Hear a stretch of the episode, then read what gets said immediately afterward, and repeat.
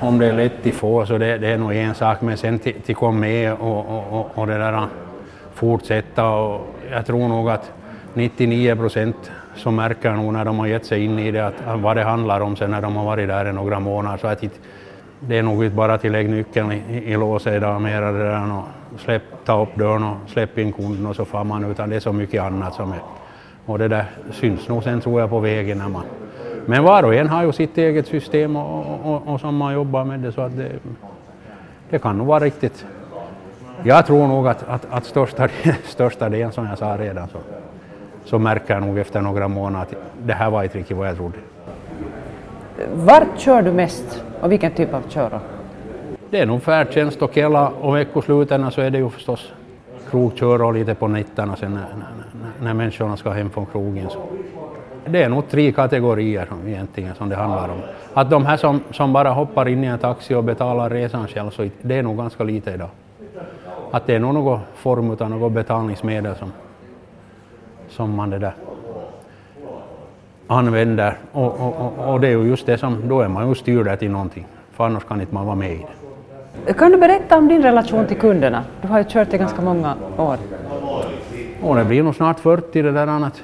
Några år till så, så är det 40 och, och, och jo, nog har det ju varit, men, men idag så man har ju inte några personliga kunder på det viset just mera, utan allt är ju bortstyrt liksom. Att förr hade man ju en som ville åka då till Helsingfors ett antal det där och samma sak med de här färdtjänsten så där var ju samma sak med det att man hade människor som, som litar på en till 100 procent och man, man visste var de hade nyckeln till kojan och man hjälpte dem med det och satt på ström när de skulle till sommarkojan och när inte de själva räcktes upp och i stil med det här. Och nu får inte man ha det där mer, nu får inte de ha den servicen mer utan det.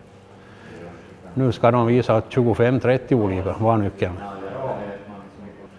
Det är ju så här också att, att ska man åka till exempel från, från Tenala till Bromarva och man ska ha Eknäs taxi så får den Eknäs taxin köra med taxametern stängd ända till Tenala så får man ta betalt bara från Tenala till Bromar. Så det är inte så roligt att fara heller på sådana kör. För nu är det ju så att den som jobbar så vill ju ha något för det och får inte man något för det så inte är det så stor procent utan människor som, som jobbar för ingenting. Det är ett alkoanda som gäller idag men det är lite skilt. Att då gör man det för, för ingenting. Men när man är på jobb och, och arbetstid så vill man ju ha något. Vill man ju ha pengar för det som man gör. Du sa här åt mig tidigare att, att ehm, um, kunden ibland måste ha, eller kanske ofta måste ha en reservplan, att man har någon som kan köra mitt taxin kommer. Kan du berätta om principerna?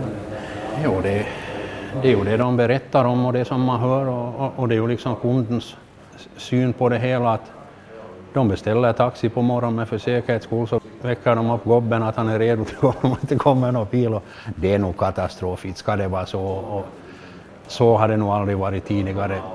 Utan det, det är nog nu som det har blivit sånt där att vänta har man kanske fått göra många gånger, det är fråga om det. Men det handlar nog om ibland 10 minuter, 20 minuter och som värst kanske en, en, en timma till och med det där, om det har varit riktigt rusigt så beroende på väder och vind och sånt där. Men it, så här har det nog inte varit liksom att man har att, och det är inte bara en och två utan det är flera som har talat om det så att det så här, så här, så är det här i taxi idag, tyvärr.